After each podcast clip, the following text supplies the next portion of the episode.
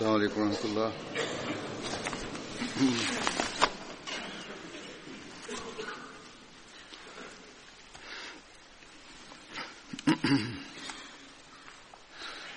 أشهد أن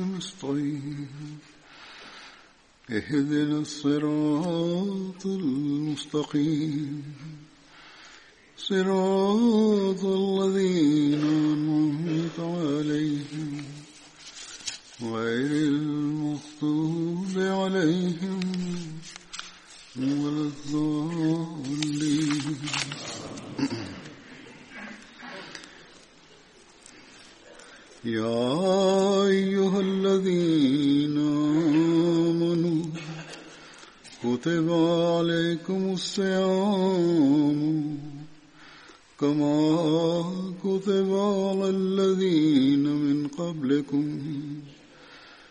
لعلكم تتقون.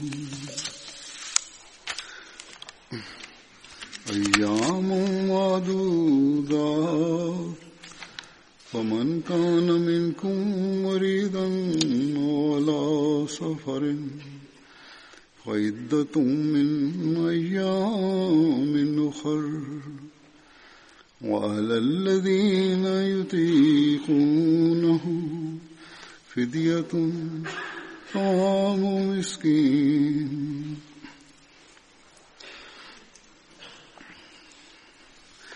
فمن تطوى خيرا فهو خير الله وأن تصوموا خير لكم إن كنتم تعلمون.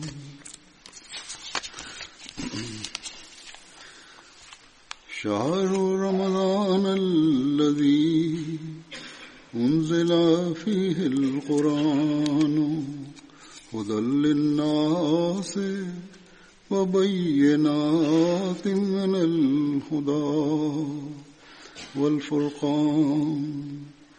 ومن شهد منكم الشهر فليصم ومن كان مريضا أو على سفر فعدة من أيام أخر. يريد الله بكم اليسر ولا يريد بكم العسر. ولا يريد بكم العسر ولتكملوا العدة ولتكبروا الله على ما هداكم ولعلكم تشكرون.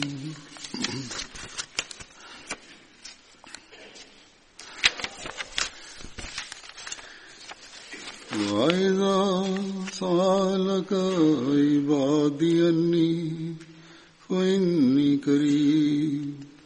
وإذا سألك عبادي أني فإني قريب.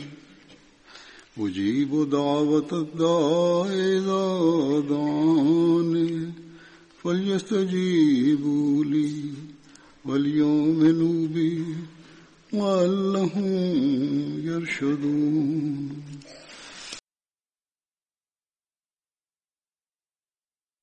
Hai orang-orang yang beriman, diwajibkan atasmu berpuasa, sebagaimana telah diwajibkan atas orang-orang sebelummu, supaya kamu terpelihara dari segala keburukan dan terhindar dari kelemahan rohani dan akhlaki.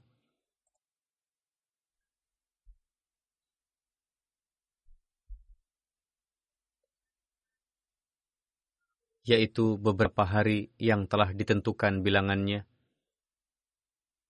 Maka barang siapa di antara kamu sakit atau dalam perjalanan, maka hendaklah ia berpuasa sebanyak itu pada hari-hari lain.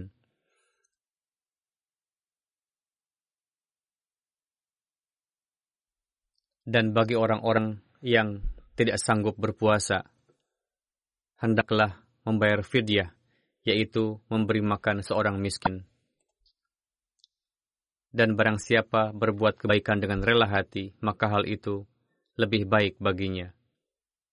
Dan berpuasa itu lebih baik bagimu jika kamu mengetahui.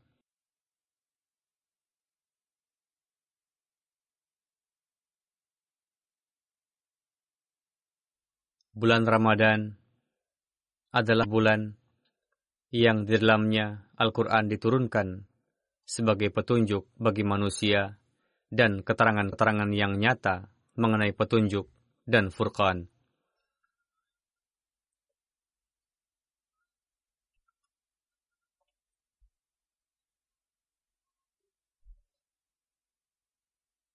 Maka barang siapa di antaramu hadir pada bulan ini, hendaklah ia berpuasa di dalamnya. Tetapi barang siapa sakit atau dalam perjalanan, maka berpuasalah sebanyak bilangan itu pada hari-hari lain. Allah menghendaki kemudahan bagimu, dan Dia tidak menghendaki kesukaran bagimu, dan Dia menghendaki supaya kamu menyempurnakan bilangan itu, dan supaya kamu mengagungkan Allah, karena Dia telah memberi petunjuk kepadamu, dan supaya kamu bersyukur.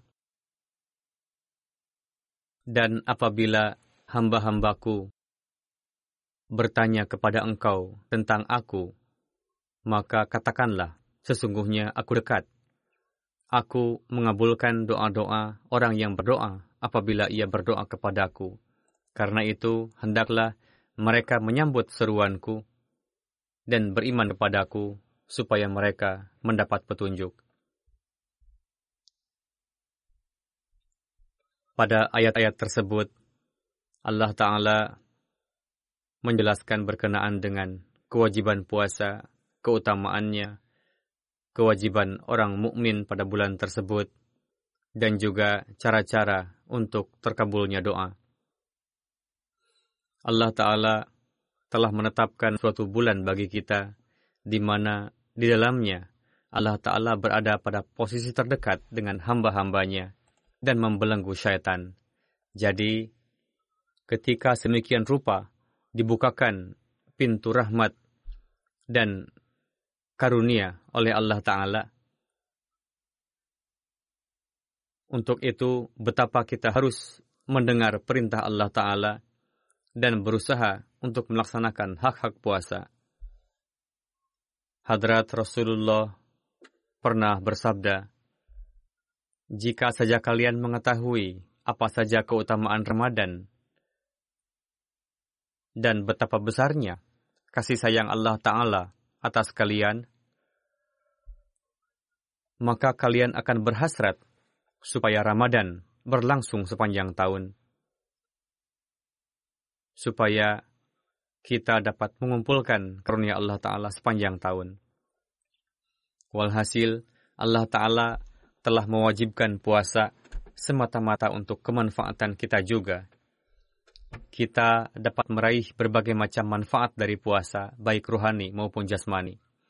Saat ini, para dokter non-muslim pun tengah mengakui yang mana sebelum ini hanya beberapa saja, namun sekarang jumlahnya terus meningkat bahwa dengan puasa dapat berdampak baik bagi kesehatan manusia.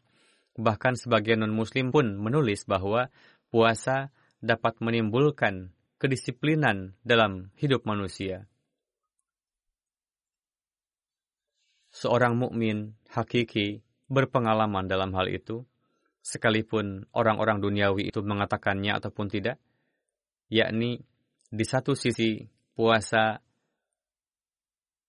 dapat memperbaiki kondisi fisik manusia, sementara di sisi lain, lebih dari itu, puasa juga dapat membawa manusia kepada kondisi rohani yang lebih baik. Jadi, kita harus mengamalkan perintah Allah Ta'ala tersebut dan berusaha penuh pada bulan Ramadan ini agar kondisi rohani kita mengalami peningkatan.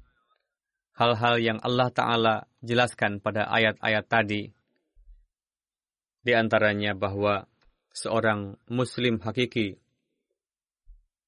yang kepadanya diwajibkan untuk berpuasa, yang mana maksud puasa di sini bukanlah semata-mata hanya menahan lapar dan dahaga dari subuh sampai sore, Hadrat Masih Maud Islam bersabda, dengan puasa ini, Allah Ta'ala menghendaki supaya kita mengurangi satu asupan makanan untuk meningkatkan yang lainnya.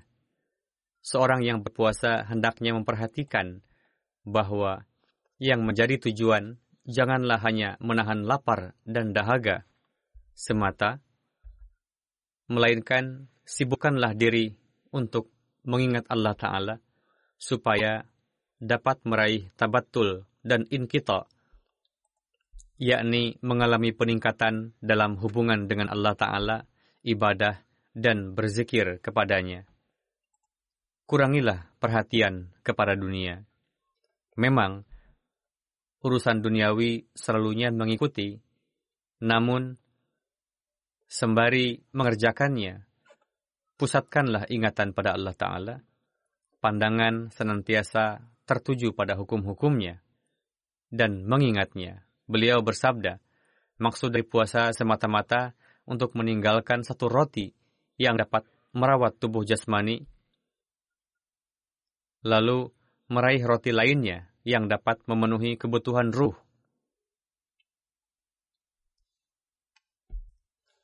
Barang siapa yang berpuasa semata-mata karena Allah Ta'ala, bukan sebagai formalitas, maka orang tersebut hendaknya menyibukkan diri untuk bertahmid, tasbih, dan tahlil kepada Allah Ta'ala. Hadrat Rasulullah Sallallahu Alaihi Wasallam bersabda, Allah Ta'ala tidaklah memerlukan lapar dan dahaga kalian. Setelah menjelaskan bahwa puasa diwajibkan bagi kita, Allah telah berfirman pada ayat pertama bahwa puasa diwajibkan supaya kalian meraih ketakwaan. Apa ketakwaan itu? Takwa adalah terhindar dari kelemahan rohani dan akhlaki. Sebagaimana telah saya terangkan sebelumnya bahwa Rasul bersabda, Allah Ta'ala tidak memerlukan lapar dan dahaga kalian, sebelum puasa kalian dapat menciptakan standar ketakwaan dalam diri kalian, yang dengannya kalian akan terhindar dari kelemahan rohani dan akhlaki, berarti puasa kalian tidak berguna. Berkenaan dengan takwa, Hadrat Masih Maud Islam bersabda,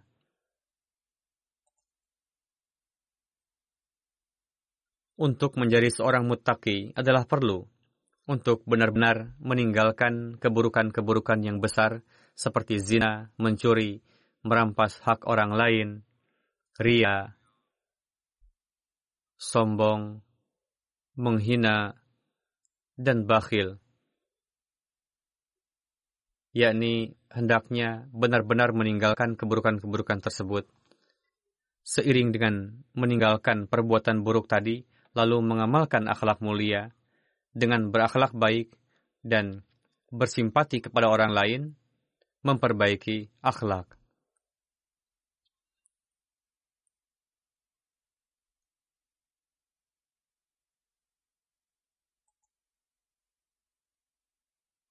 Beliau bersabda, memperlihatkan kesetiaan sejati dan tulus kepada Allah Ta'ala juga adalah perlu untuk ketakwaan dan kerohanian. Timbulkanlah kesetiaan dan jalinan sejati dengan Allah Ta'ala. Raihlah makom mahmud, yakni makom yang terpuji dalam pengkhidmatan. Di dalamnya termasuk juga hak-hak Allah Ta'ala. Begitu juga memenuhi hukum-hukum ilahi. Di dalamnya mencakup hubungan dan pengkhidmatan terhadap manusia. Yakni lakukan pengkhidmatan tanpa pamrih, sehingga orang-orang yang menyaksikan akan berkesan dan berkata, memang benar orang ini tengah berkhidmat karena Allah Ta'ala semata. Tidak ada unsur kemaslahatan pribadi di dalamnya. Bersabda, jika itu dapat terpenuhi, maka seorang manusia layak disebut mutaki. Barang siapa yang di dalam dirinya terkumpul semua kebaikan itu, maka dialah yang merupakan mutaki hakiki. Yakni jika di dalam diri seorang hanya terdapat salah satu dari sekian akhlak mulia itu, maka orang seperti itu tidak dapat disebut mutaki sebelum segenap akhlak mulia itu berkumpul di dalam dirinya. Bagi orang yang seperti itu tidak akan dilanda ketakutan ataupun kesedihan.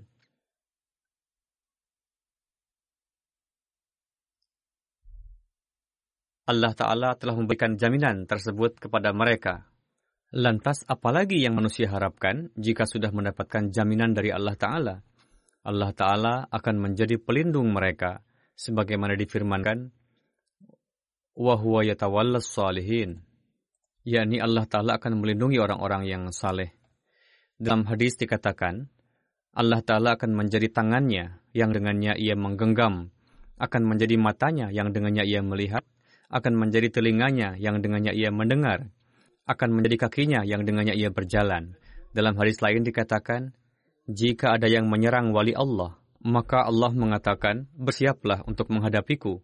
Berfirman lagi bahwa jika ada yang menyerang waliku, maka aku akan mengherdiknya dalam sekejap, layaknya seekor singa betina menyergap jika ada yang menculik anaknya. Jadi, jika setelah berpuasa seseorang dapat meraih standar ketakwaan seperti itu, maka puasa tersebut akan menggiring seorang manusia, seorang mukmin, seorang muslim untuk berada di balik tameng Allah Ta'ala. Hadrat Abu Hurairah meriwayatkan, Hadrat Rasulullah bersabda, bahwa Allah Ta'ala berfirman, setiap amalan manusia adalah bagi dirinya sendiri, kecuali amalan puasa. Allah Ta'ala berfirman, manusia berpuasa demi aku, yakni seorang mukmin hakiki berpuasa karena Allah. Dan barang siapa yang berpuasa karena aku maka aku sendiri yang akan menjadi ganjaran baginya. Aku akan mengganjarnya dari sisiku sekehendakku Rasulullah bersabda puasa merupakan tameng barang siapa yang berpuasa di antara kalian janganlah mengucapkan sesuatu yang dapat menimbulkan hawa nafsu dan mencaci maki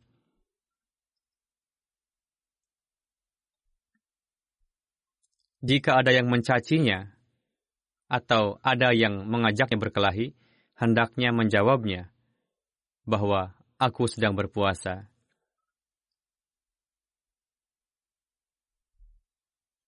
Aku tidak mau terjerumus dalam perbuatan sia-sia. Rasulullah bersabda, Demi zat yang jiwa Muhammad berada dalam kuasanya, aroma bau yang keluar dari mulut orang yang berpuasa. Dalam pandangan Allah Ta'ala lebih wangi daripada wangi kesturi.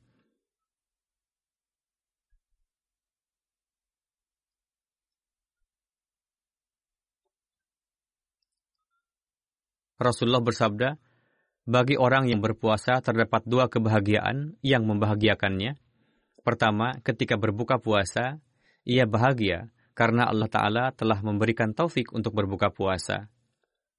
Kedua, ketika ia berjumpa dengan Tuhannya, ia akan bahagia karena puasa, karena pada saat itu Allah Ta'ala berfirman, Aku akan menjadi ganjaran baginya, aku akan berikan ganjaran padanya.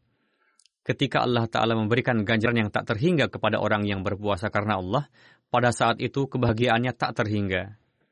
Walhasil, inilah standar ketakwaan yang harus diraih oleh orang yang berpuasa secara hakiki.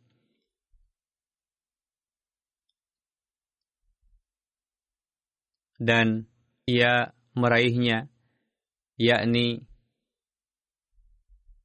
puasa yang dilakukan dengan mensucikan diri dari berbagai jenis kekotoran dunia dan melewati hari dengan terhindar dari berbagai macam kelemahan ruhani jasmani. Jangan lantas bahagia bahwa kita telah puasa, sebagaimana di dunia ini banyak sekali orang yang nampaknya berpuasa, namun standar salatnya tidak seperti yang seyogianya. Begitu juga akhlaknya. Rasulullah bersabda,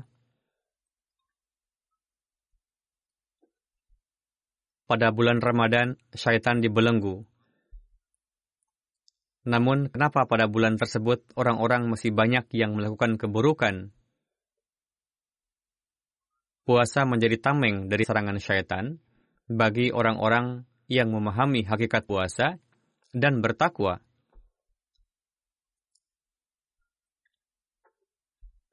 Inilah tujuan sebenarnya yang harus kita perhatikan setiap saat. Namun, pada tempat lain, Rasul juga bersabda, Memang, pada bulan Ramadan, pintu surga dibuka, pintu neraka ditutup, dan syaitan dibelenggu. Namun, meskipun demikian, Rasulullah juga menekankan bahwa barang siapa yang mendapati Ramadan tetapi tidak diampuni dari dosa, Lantas kapan lagi akan diampuni? Sabda beliau ini ditujukan kepada kita, kepada mereka yang mengaku sebagai Muslim, yang kepadanya Allah Ta'ala berfirman bahwa puasa telah diwajibkan bagi kalian, supaya pada bulan tersebut kalian hanya dan hanya mengupayakan untuk meraih ketinggian dalam ibadah kepada Allah Ta'ala dan standar akhlaki. Namun jika tidak melakukannya, maka tibanya bulan Ramadan, dibelenggunya syaitan, dibukakannya pintu surga, dan ditutupnya pintu neraka, tidak akan memberikan manfaat apa-apa. Rasul bersabda, meskipun rahmat Allah Ta'ala maha luas, namun, jika tidak ada terdapat sarana untuk pengampunan, lantas kapan lagi? Untuk itu, kita jangan hanya bahagia dengan datangnya Ramadan, lalu mengucapkan mubarak ke sana kemari, melainkan kita harus mengevaluasi diri, yakni apakah kita tengah berupaya untuk dapat meraih tujuan puasa Ramadan, seperti yang telah Allah jelaskan atau tidak. Semoga Allah Ta'ala memberikan taufik kepada kita untuk dapat meraihnya. Dan semoga Allah Ta'ala menyelimuti kita dengan cadar ampunan dan magfirahnya. Pada ayat berikutnya difirmankan, dalam kondisi apa saja kalian diizinkan untuk tidak berpuasa. Sebelum menjelaskan hal itu, telah dijelaskan bahwa firman Allah Ta'ala yang menyatakan, Aku sendiri yang akan menjadi ganjaran bagi orang yang berpuasa dan secara khusus memberikan sarana pengampunan kepada orang-orang mukmin. Namun janganlah berpikiran bahwa dengan berpuasa kita telah melakukan satu pengorbanan besar yang karenanya Allah Ta'ala melebarkan cadar kasih sayang, kecintaan, dan ampunan.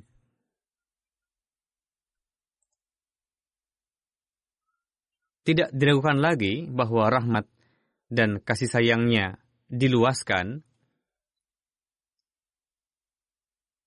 namun dengan berpuasa bukanlah berarti kita telah melakukan pengorbanan yang sangat besar. Pada saat sahur pun kita makan serenyangnya, begitupun pada saat buka puasa. Lantas pengorbanan permanen seperti apa yang mana dalam setahun hanya terhitung beberapa hari saja? Setelah berpuasa, sebagian orang berkata, dengan berbangga diri bahwa dia telah berpuasa. Namun itu bukanlah satu pengorbanan besar yang patut dizahirkan. Karena setelah melakukan pengorbanan yang teramat besar pun, seorang mukmin sejati alih-alih menzahirkannya akan tetap merasa khawatir memikirkan bagaimana supaya Allah Ta'ala ridho dengannya. Allah Ta'ala berfirman, hitungannya hanya beberapa hari saja, dan seperdua belas dalam setahun. Bersabda, dengan demikian ini bukanlah satu pengorbanan yang sangat besar. Dalam bulan tersebut, Allah Ta'ala menganugerahkan rahmatnya padamu. Dalam beberapa hari tersebut, jika kalian jatuh sakit atau dalam safar, maka ada keringanan untuk tidak berpuasa. Namun bilangan hari yang luput dari puasa itu harus dipenuhi kapan pun pada hari-hari lainnya sepanjang tahun. Begitu juga bagi yang sakit menahun, bahkan dokter menganjurkan untuk tidak berpuasa. Jika demikian adanya, maka jika mampu, berikanlah makanan kepada seorang miskin supaya dapat melaksanakan puasa, jika mampu, penting baginya untuk memberi makan kepada seorang miskin sesuai dengan makanan yang dimakannya, kecuali sedemikian rupa lemah kondisi ekonominya, sehingga ia sendiri menggantungkan hidupnya dari sedekah dan bantuan. Jika ia mampu, maka bayarlah fidyah dan juga mengganti puasa yang luput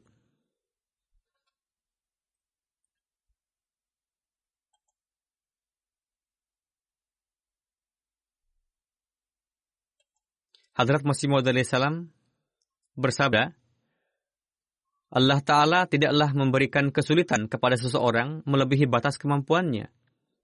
Beliau bersabda, bayarlah fidyah sesuai dengan kemampuan, yakni sesuai dengan apa yang ia makan dan minum, dan untuk masa yang akan datang, berjanjilah bahwa nanti akan puasa secara penuh. Beliau bersabda, Suatu ketika muncul pikiran di benak saya, untuk apa fidyah ditetapkan? Setelah saya renungkan, dibukakan kepada saya bahwa tujuannya supaya kita diberikan taufik. Supaya Allah Ta'ala memberikan taufik kepadanya untuk berpuasa. Bersabda, Allah Ta'ala Maha Kuasa. Jika dia menghendaki, dapat memberikan taufik kepada seorang berpenyakit TBC untuk berpuasa, yakni dengan menyembuhkannya sehingga dapat berpuasa.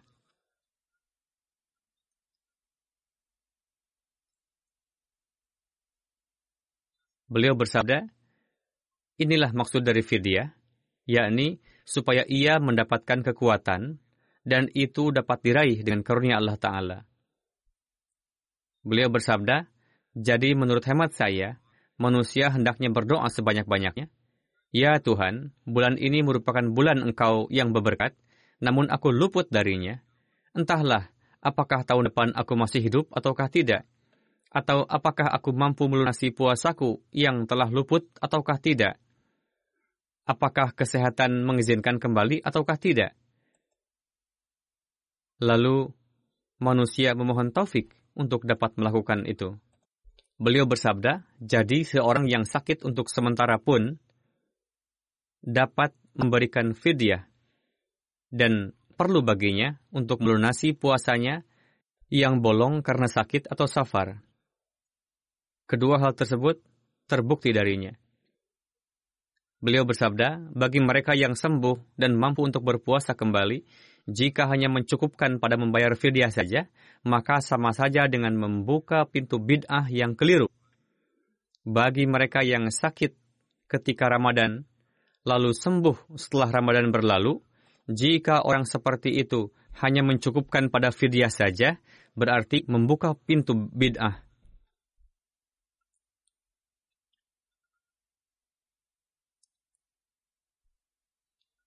Sekalipun fidyah telah dibayarkan pada bulan Ramadan, maka tetap saja perlu melunasi puasanya yang bolong pasca bulan Ramadan, yakni kapan pun sepanjang tahun.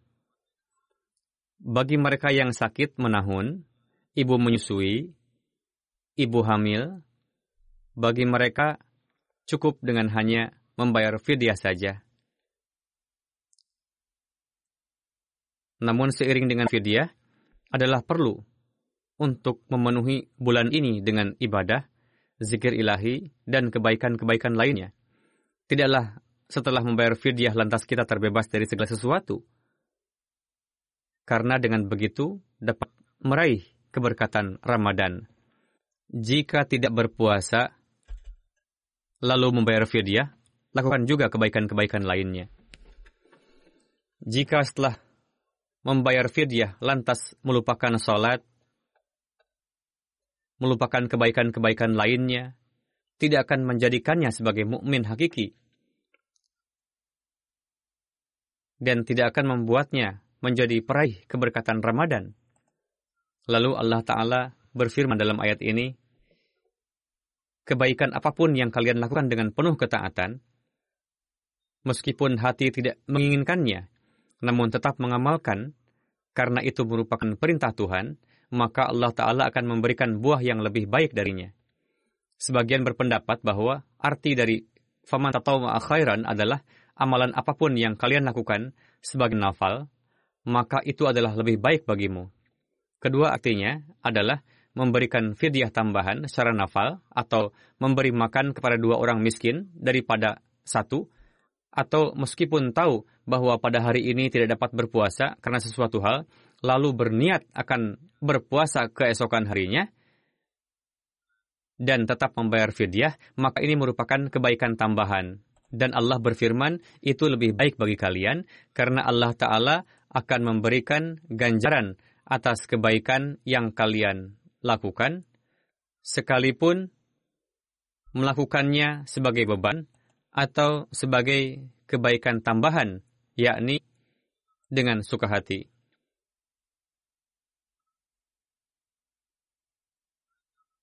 Pada akhir ayat tersebut, Allah Ta'ala berfirman, bahwa berpuasa bagi kalian adalah lebih baik dari berbagai sisi. Pada ayat berikutnya, Allah Ta'ala berfirman, Pada bulan ini, kami telah menurunkan Al-Quran yang merupakan sumber hidayah bagi kalian, dan merupakan dalil-dalil yang terang dan jelas, dan di dalamnya terkandung tanda-tanda. Walhasil, Al-Quran memiliki keterikatan khusus dengan bulan Ramadan.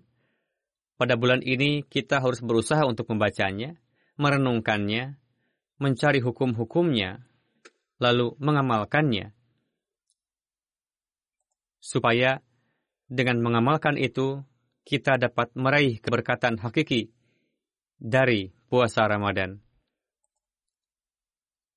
Setiap orang tidak dapat sampai pada kedalaman makna Al-Quran Untuk itu bagi mereka yang dapat membaca Al-Quran dengan terjemahannya dan di mana pun diadakan daras Al-Quran oleh jemaat, kita hendaknya memanfaatkannya.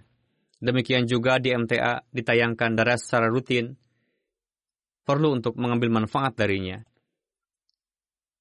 Di MTA ditayangkan daras Hadrat Khalifatul Masih keempat, Begitu juga nasihat Rasulullah untuk menilawatkan Al-Quran sebanyak-banyaknya pada bulan ini. Bagi seorang Ahmadi, memang pada hari-hari biasa pun harus menaruh perhatian terhadap tilawat Al-Quran. Namun, pada bulan Ramadan ini perlu untuk diaturkan sedemikian rupa. Karena jika hanya puasa saja, tidaklah bermanfaat. Secara khusus, Allah Ta'ala telah menurunkan Al-Quran pada bulan ini, dan Rasulullah menekankan akan hal itu. Kita adalah orang yang beruntung, karena Allah Ta'ala telah memberikan taufik kepada kita untuk beriman kepada hamba sejati Rasulullah di zaman ini, yang telah menyingkapkan kepada kita rahasia Al-Quran, tafsir, dan poin-poin segar akan maknanya, dan juga menekankan kepada kita untuk mengamalkannya, memuliakannya, membacanya, dan merenungkannya. Dan juga menyampaikan bahwa betapa kalian harus membaca dan mengamalkannya dengan penuh perhatian, menciptakan perubahan di dalam diri, Sebagaimana Hadrat Masih Maud bersabda,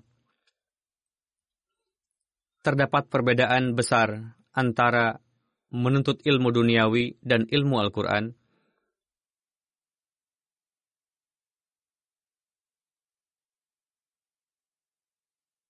Untuk meraih ilmu duniawi, tidak disyaratkan adanya ketakwaan.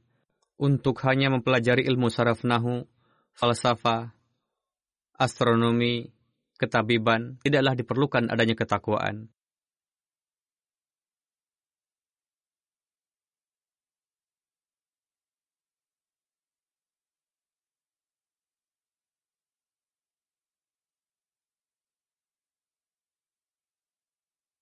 Tidak juga diperlukan kedisiplinan dalam salat dan puasa. Namun, untuk memahami Al-Quran, diperlukan kedisiplinan dalam berpuasa, ibadah, salat, meningkat dalam ketakwaan, adalah perlu untuk disiplin dalam salat, puasa, memperhatikan perintah dan larangan yang telah Allah berikan,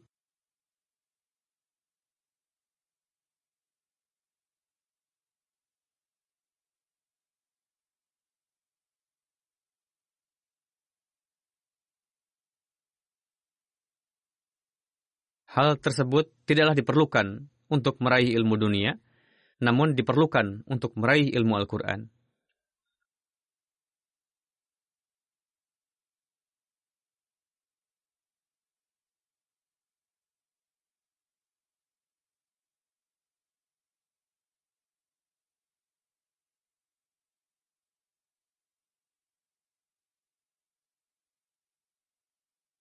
Beliau bersabda, selaraskanlah perbuatan dan ucapan kita dengan hukum-hukum ilahi, bahkan terkadang nampak orang yang mahir dalam keilmuan dunia, terjerumus dalam berbagai dosa, dan ateis. Beliau bersabda, pada saat ini di hadapan dunia terdapat satu pengalaman luar biasa, yakni meskipun negeri barat sedemikian rupa maju dalam keilmuan dunia, penemuannya silih berganti, namun kondisi akhlaki dan ruhani mereka sangatlah memalukan. Saat ini kita menyaksikan sendiri bagaimana degradasi akhlak semakin meningkat dengan mengatasnamakan kebebasan.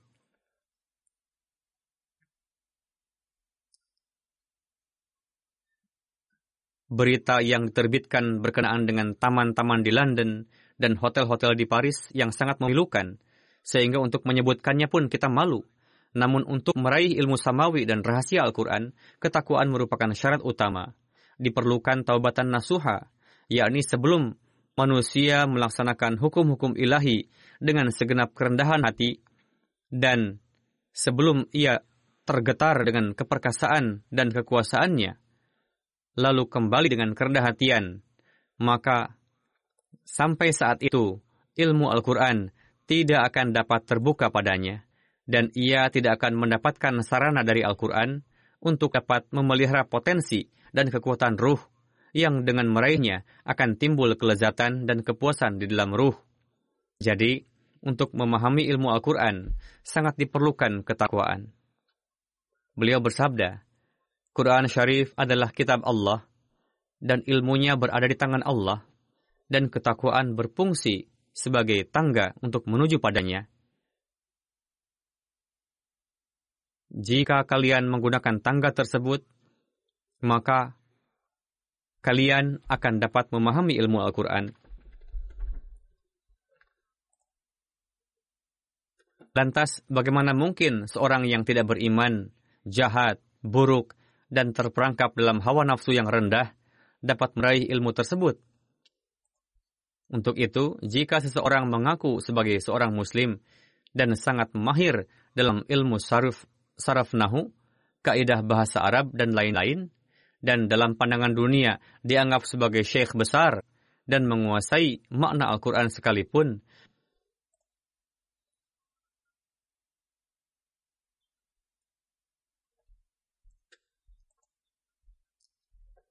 Namun jika dia tidak mensucikan diri maka ia tidak akan dianugerahi bagian ilmu Al-Quran. Bersabda, saya menyaksikan bahwa saat ini perhatian dunia sangat tertuju kepada ilmu duniawi dan cahaya barat telah mencengangkan seluruh dunia dengan penemuan-penemuannya. Jikapun umat muslim memikirkan kemaslahatannya dan jalan perbaikan, sayangnya mereka menjadikan penduduk barat sebagai imamnya, yakni condong pada keduniawian dan mulai menganggap kemajuan duniawi sebagai segala-galanya. Bersabda, seperti itulah kondisi umat Islam era baru, sedangkan mereka yang disebut sebagai umat muslim era lama dan menganggap dirinya sebagai penolong agama, inti dari capaian segenap umurnya adalah terjerembab dalam perdebatan mengenai kaidah bahasa Arab, sorof nahu, dan disibukkan untuk meluruskan pengucapan kata dhalin, yakni bagaimana tata bahasanya, bagaimana kaidah saraf dan nahunya, bagaimana cara melafazkannya. Bersabda, mereka sama sekali tidak menaruh perhatian pada isi kandungan Al-Quran, karena mereka tidak menaruh perhatian pada pensucian jiwa. Jadi, para Ahmadi hendaknya merenungkan untuk jangan hanya terjerumus dalam hal duniawi. Berupayalah untuk meraih ilmu Al-Quran. Dalam suatu kesempatan, ada yang bertanya kepada Hadrat Masih Maud salam, bagaimana cara membaca Al-Quran? Beliau bersabda, Al-Quran hendaknya dibaca dengan penuh tadabbur, tafakur, dan perenungan. Dalam hadis dikatakan, Rubbaka, Rubbakari, Yala'anuhul Quran, yakni banyak sekali kori Al-Quran yang dilaknat oleh Al-Quran. Orang yang membaca Al-Quran namun tidak mengamalkannya, Al-Quran mengirim laknat atas mereka bersabda, jika sampai pada ayat yang berkenaan dengan rahmat Allah ketika menilawatkan Al-Quran, maka mintalah rahmat Allah. Dan ketika disebutkan berkenaan dengan azab atas suatu kaum, maka mintalah perlindungan kepada Allah Ta'ala dari turunnya azab, taubat, dan istighfar.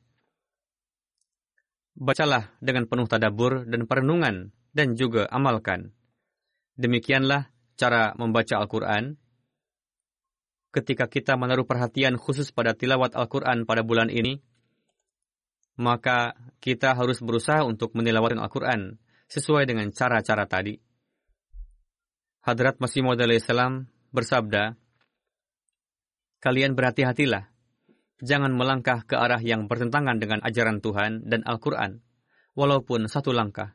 Aku katakan sejujurnya kepada kalian, jika di antara 700 perintah dan larangan dalam Al-Quran, kalian melanggarnya sekalipun hanya satu perintah yang biasa saja, berarti ia telah menutup pintu keselamatan baginya dengan tangannya sendiri. Jalan hakiki dan keselamatan sempurna telah dibukakan oleh Al-Quran, dan selebihnya merupakan bayangannya. Untuk itu, bacalah Al-Quran dengan tadabur, cintailah dengan kecintaan yang belum pernah kalian berikan kepada wujud lainnya. Karena sebagaimana Tuhan telah berfirman padaku, Al-khairu kulluhu fil Quran, yakni segala jenis kebaikan terdapat dalam Al-Quran. Inilah yang sebenarnya. Bersabda, betapa disesalkannya orang-orang yang mendahulukan hal-hal lain di atas Al-Quran. Sumber dari segenap kemaslahatan dan najat bagi kalian terdapat dalam Al-Quran. Tidak ada kebutuhan rohani kalian yang tidak akan dijumpai dalam Al-Quran.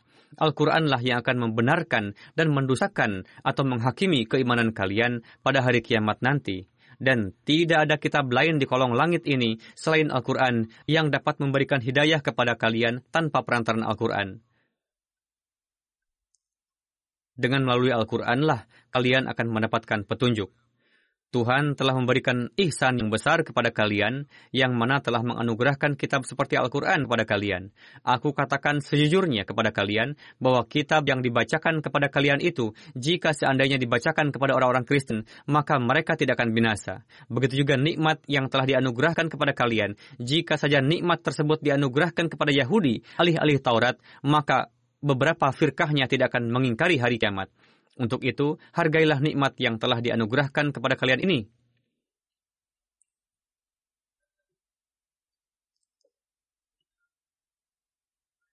Ini merupakan nikmat yang sangat indah, harta kekayaan yang besar. Jika Quran tidak turun, maka seluruh dunia akan seperti segumpal daging yang kotor. Hidayah lain jika dibandingkan dengan Al-Quran tidaklah berarti. Walhasil, kita harus menaruh perhatian khusus untuk membaca, memahami, dan mengamalkan seluruh petunjuk Al-Quran. dalam bulan Ramadan, perhatian banyak orang tertuju pada Al-Quran, maka perlu baginya untuk menjadikannya sebagai bagian permanen dari kehidupannya. Sebagaimana Allah Ta'ala menekankan orang mukmin untuk secara khusus membaca Al-Quran pada bulan Ramadan ini. Untuk itu, dengan melalui bulan mujahadah ini, jika kita menaruh perhatian khusus terhadap Al-Quran,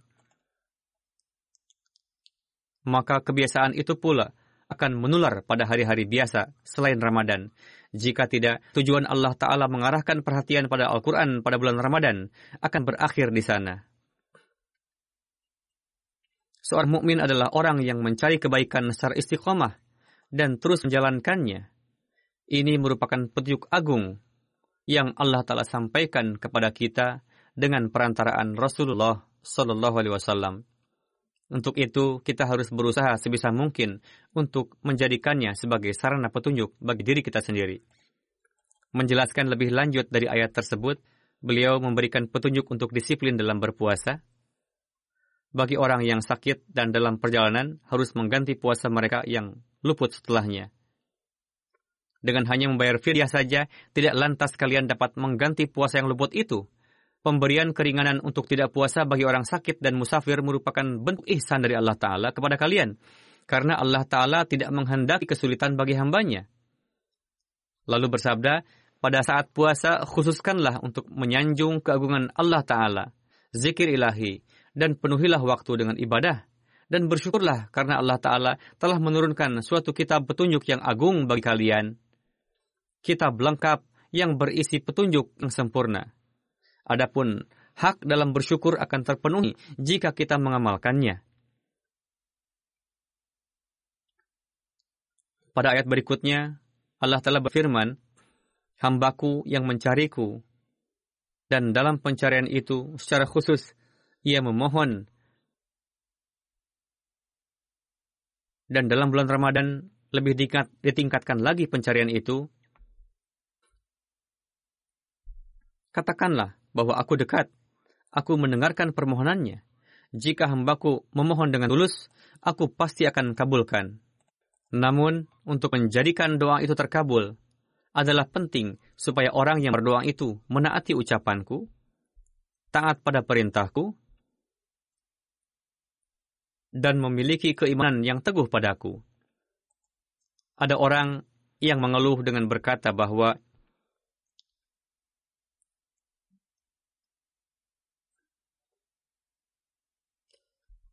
mereka selalu berdoa dan banyak berdoa, namun tidak dikabulkan oleh Allah Ta'ala. Biasanya keluhan seperti itu terlontar beberapa, beberapa hari setelah memanjatkan doa. Jika kita tidak menuruti petunjuk Allah Ta'ala, tidak mengamalkannya, tidak berusaha meraih kecintaan kepada Allah Ta'ala, tidak menjadi hamba sejatinya, sementara hanya menyuruh kepadanya ketika menghadapi kesulitan atau penderitaan, setelah itu melupakannya lagi. Jika begitu keadaannya, bagaimana kita bisa mengeluh dengan berkata bahwa Allah telah tidak mengabulkan doa kita? Pertama-tama, kita harus menata diri kita, dan untuk menata diri diperlukan upaya dan diperlukan doa untuk menarik karunia Allah Ta'ala.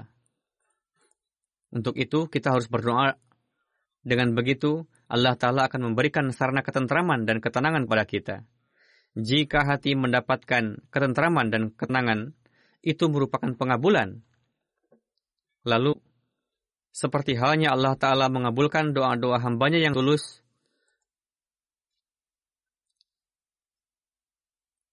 doa para kekasihnya, maka Allah Ta'ala pun akan mengabulkan doa-doa kita. Walhasil, pertama-tama harus ada upaya dari pihak kita pada bulan Ramadan ini. Dengan begitu, Allah Ta'ala akan mengatur secara khusus bagi orang mukmin untuk meraih kedekatannya dan mengabulkan doa-doanya. Jadi, kita harus melakukan upaya khusus. Jika tidak, kita tidak berhak untuk melontarkan keluhan kepada Allah Ta'ala. Kenapa doa tidak dikabulkan dan sebagainya berkenaan cara berdoa dan untuk mengkondisikan diri untuk terkabulnya doa, bagaimana petunjuk Hadrat Masih Maud salam? Beliau bersabda, adalah benar bahwa barang siapa tidak mengamalkan, dia tidak berdoa, melainkan menguji Allah Ta'ala. Untuk itu, sebelum memanjatkan doa, perlu bagi kita untuk mengerahkan segenap kapasitas, dan inilah makna dari doa. Lalu beliau bersabda bahwa setiap hari kita berdoa dan seluruh salat pun merupakan doa yang kita bacakan. Memang tidak diragukan bahwa salat adalah doa, namun kondisi yang harus tercipta dan merupakan tujuan hakiki dari doa adalah perlu. Karena doa yang muncul setelah ma'rifat dan dengan perantaraan karunia memiliki corak dan kondisi yang berbeda ia menjadi sesuatu yang dapat mem memfanakan, menjadi api yang membakar, menjadi magnet yang dapat menarik rahmat, menjadi maut yang pada akhirnya akan menghidupkan, menjadi badai ombak yang pada akhirnya akan menjadi kapal perahu yang menyelamatkan. Segala permasalahan akan terselesaikan dengannya. Dengannya, setiap racun pada akhirnya akan menjadi penawarnya. Walhasil, doa hakiki akan memperlihatkan pengaruhnya seperti itu. Selamatlah bagi para tawanan yang tak kenal lelah dalam berdoa, karena suatu saat ia akan meraih kebebasan. Selamatlah bagi orang buta yang tidak malas berdoa, karena suatu hari ia akan dapat melihat. Selamatlah bagi para penghuni kubur yang memohon pertolongan kepada Allah Ta'ala dengan doa, karena suatu hari ia akan dikeluarkan dari kubur, yakni orang yang mati rohaninya. Selamatlah bagi mereka yang tidak lalai berdoa, dan ruh yang meleleh untuk berdoa. Dan pada dan mata kalian mengalirkan air mata, dan dalam dada kalian menimbulkan suatu api yang akan membawamu ke tempat gelap dan hutan yang sunyi untuk meraih kelezatan dalam kesendirian, dan menjadikanmu tak berdaya, tergila-gila, dan jatuh cinta dengan sendirinya.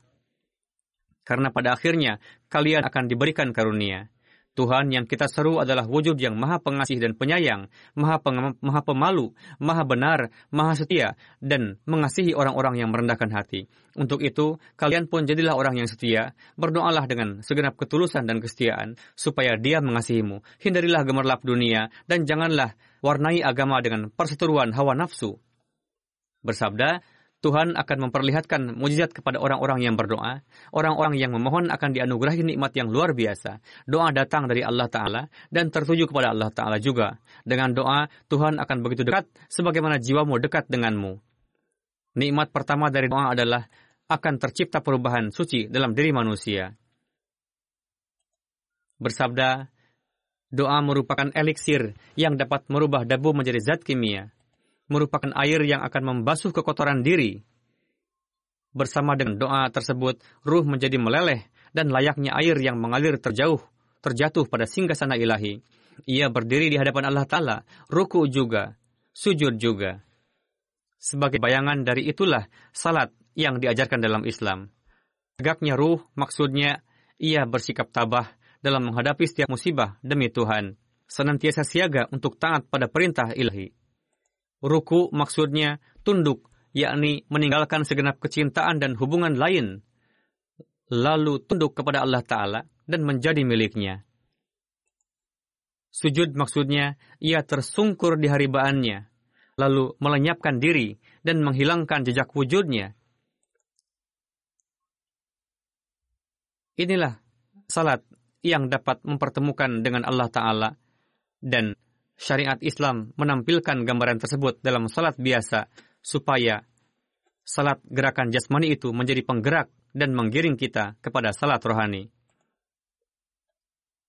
Jadi, inilah kondisi yang harus kita ciptakan di dalam diri kita sehingga kita bisa melihat pengabulan dari doa-doa. Bersamaan dengan berpuasa di bulan Ramadan, kita pun mengambil faedah dari hakikat ibadah dan juga melihat pengabulan dari doa-doa.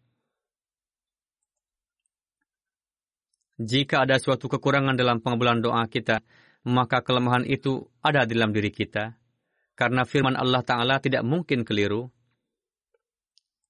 Di hari-hari puasa ini, kita hendaknya secara khusus banyak berdoa untuk perbaikan kondisi diri kita.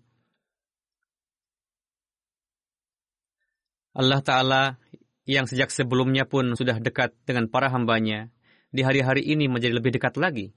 Bersujudlah di hadapan Allah Ta'ala dengan penuh keikhlasan dalam ibadah-ibadah wajib dan nafal kita. Hadrat Rasulullah SAW bersabda kepada kita, sepuluh hari pertama di bulan ini adalah rahmat, sepuluh hari pertengahan di bulan ini adalah sarana untuk meraih magfirah atau ampunan, dan sepuluh hari terakhirnya adalah sarana untuk menyelamatkan dari jahanam. Semoga Allah telah menjadikan kita hambanya yang hakiki dan menaungi kita dalam naungan rahmat dan ampunannya dan kita bisa meraih keberkatan dari bulan ini. Di hari-hari ini secara khusus berdoalah untuk jemaat.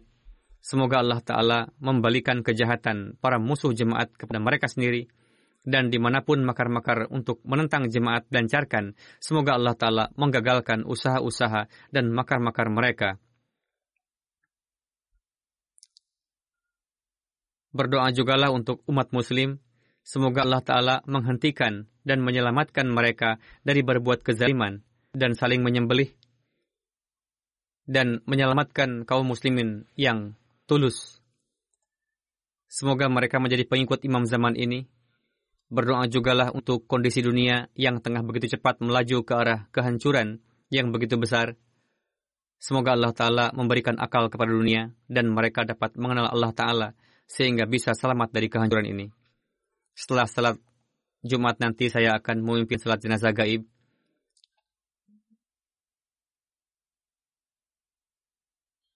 Dua jenazah yang wafat dua bulan yang lalu, akan tetapi saya baru mendapatkan detailnya sekarang. Saya yang pertama bernama almarhum Karam Dr. Tahir Aziz Ahmad Sahib bin Arsyadullah Bati Sahib dan yang kedua almarhum Dr. Iftikhar Ahmad Sahib bin Dr. Khawajah Nazir Ahmad Sahib dari Amerika.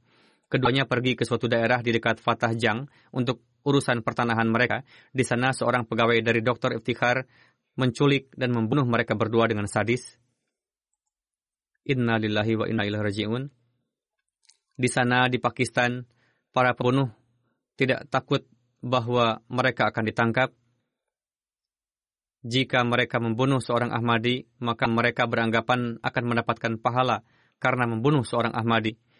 Kemudian para Maulwi juga akan bersimpati dan berusaha untuk membebaskan mereka, bahkan betul-betul mengusahakannya, sehingga mengikut sertakan faktor keahmadiyahan korban.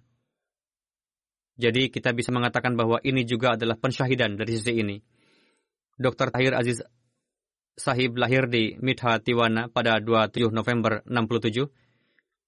Jemaat dalam keluarga beliau bermula dari kakek buyut beliau Hadrat Maulwi Nur Ahmad Sahib Radhalu Anhu dari Lodi Nanggal, distrik Gurdaspur. Hadrat Maulwi Nur Ahmad Sahib menolak untuk menandatangani fatwa kafir yang disiapkan oleh Maulwi Muhammad Hussein Batalwi untuk menentang Hadrat Masih Maud salam dan beliau menulis surat kepada Maulwi Muhammad Hussein Batalwi mengenai hal ini yang diterbitkan di dalam edisi pertama majalah Al-Hakam pada 10 Oktober tahun 1897. Hadrat Masih Maud salam juga memanggil ayah dari Hadrat Maulwi Nur Ahmad Sahib yang bernama Maulwi Datah Bhatti Sahib ke untuk mengajar Mirza Sultan Ahmad Sahib dan Mirza Afzal Ahmad Sahib yang mana ini diriwayatkan juga dalam Tarikh Ahmadiyat jilid pertama. Almarhum setelah menyelesaikan matrik lulus mengikuti ujian DHMS dari Islamabad Homeopathic Medical College. Kemudian beliau mulai membuka praktek di Chata Bakhtawar Islamabad, seorang dokter yang penyayang, berakhlak mulia, rendah hati, sosok yang simpatik dan kepribadian menawan. Beliau menjadi dokter untuk waktu yang lama dan rumah beliau digunakan untuk salat center. Beliau memiliki hubungan yang sangat baik dengan khilafat. Ketika beliau wafat, ratusan gair Ahmadi, baik laki-laki maupun perempuan, melakukan takziah takziah dan mereka menyatakan kewafatan beliau sebagai kedukaan nasional. Selain istri beliau, beliau meninggalkan dua putra dan satu putri. Putra beliau tinggal di sini di London. Menantu dari Rana Khalid Sahib. Kakak beliau, Fazil Fuzail Iyas Sahib, seorang wakaf zindagi dan mubalik. Sebelumnya beliau berkhidmat di MTA, saat ini di Jamiah Ahmadiyah Rabuah. Yang kedua adalah almarhum Dr. Iftikhar Ahmad Sahib, Beliau berasal dari Tarigri, distrik Gujaranwala. Beliau adalah cucu dari sahabat Hazrat Masih Maud salam. Hadrat Muhammad Jamal Sahib Ridlanhu. Di dalam keluarga beliau Ahmadiyah bermula dari kakek beliau, Khajah Jalaluddin Sahib di masa Khalifatul Masih Sani. Ayah beliau, Khawajah Nazir Ahmad Sahib, mendapatkan taufik untuk mengajar kimia di Taimul Islam Rabuah. Almarhum Dr. Sahib setelah menyelesaikan MBBS di King Edward Medical College Lahore, beliau mendapatkan taufik berkhidmat di klinik Ahmadiyah di Kaduna, Nigeria selama kurang lebih tiga tahun. Setelah itu beliau pergi ke Amerika. Di sana beliau menyelesaikan MD. Kemudian beliau tinggal di Pakistan selama kurang lebih 15 tahun. Kemudian tiga tahun yang lalu beliau pindah ke Amerika, di mana di California beliau lulus tes dan mulai bekerja di sana. Kemudian beliau kembali ke Pakistan. Almarhum adalah seorang dermawan yang memiliki semangat tinggi untuk mengkhidmati kemanusiaan, selalu berlomba-lomba ikut ambil bagian dalam gerakan-gerakan pengorbanan harta dan seorang yang mukhlis. Selain istri, beliau meninggalkan tiga orang putri. Semoga Allah Ta'ala memberikan rahmat dan ampunannya kepada kedua almarhum dan juga senantiasa menjaga anak keturunan mereka tetap terikat dengan jemaat dan khilafat.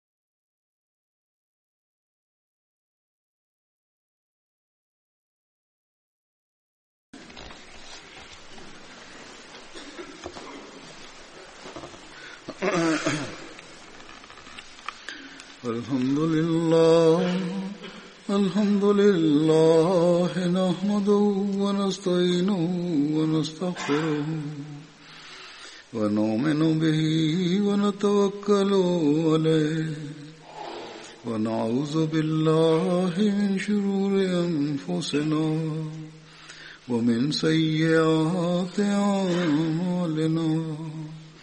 من يهده الله فلا مضل له ومن يضلل فلا هادي له.